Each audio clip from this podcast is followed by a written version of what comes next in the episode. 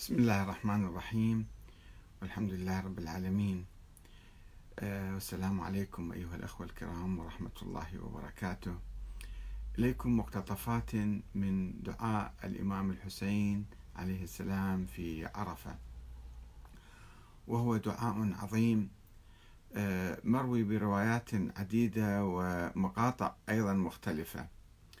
رواه ابن طاووس في كتاب الإقبال هذا في القرن السابع أو الثامن الهجري والكفعمي في كتاب البلد الأمين في القرن التاسع الهجري والمجلسي في كتاب زاد المعاد في القرن الثاني عشر الهجري.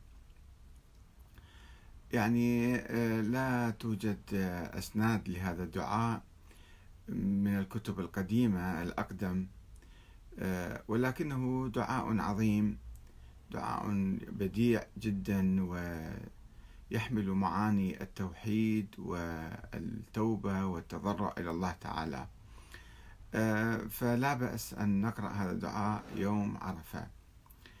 رووا هؤلاء المحدثون أن بشرا وبشيرا ولدي غالب الأسدي قال لما كان عصر يوم عرفة في عرفات وكنا عند أبي عبد الله الحسين عليه السلام خرج عليه السلام من خيمته ومع جماعة, جماعة من أهل بيته وأولاده وشيعته بحال التذلل والخشوع والاستكانة. فوقف في الجانب الأيسر من الجبل وتوجه إلى الكعبة ورفع يديه قبالة وجهه وقرأ هذا الدعاء. سوف نقتطف مقتطفات لأن الدعاء طويل حقيقة وبديع من أراد أن يطلع عليه كاملا فليراجع. في مواقع الإنترنت موجود. الحمد لله الذي ليس لقضائه دافع ولا لعطائه مانع ولا كصنعه صنع صانع وهو الجواد الواسع فطر أجناس البدائع وأتقن بحكمته الصنائع. لا تخفى عليه الطلائع ولا تضيع عنده الودائع.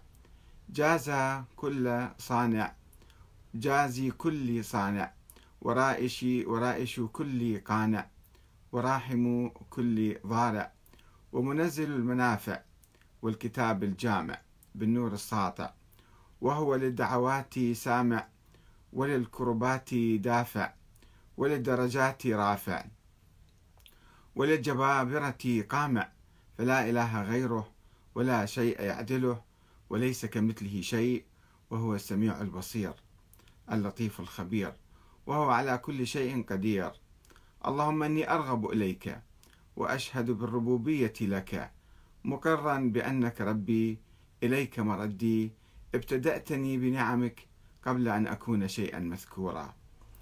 وأشهد وأنا أشهد يا إلهي بحقيقة إيماني وعقدي عزمات يقيني وخالصي صريح توحيدي وباطني مكنون ضميري. أن لو حاولت واجتهدت مدى الأعصار والأحقاب لو عمرتها أن أؤدي شكر واحدة من نعمك ما استطعت ذلك إلا بمنك الموجب علي به شكرك أبدا جديدا وثناء طارفا عتيدا. أجل أجل ولو حرصت أنا والعائدون من والعادون من أنا من أنامك أن نحصي مدى إنعامك سالفه وآنفه ما حصرناه عددا ولا أحصيناه أمدا. هيهات أن ذلك. وأنت المخبر في كتابك الناطق والنبأ الصادق وإن تعدوا نعمة الله لا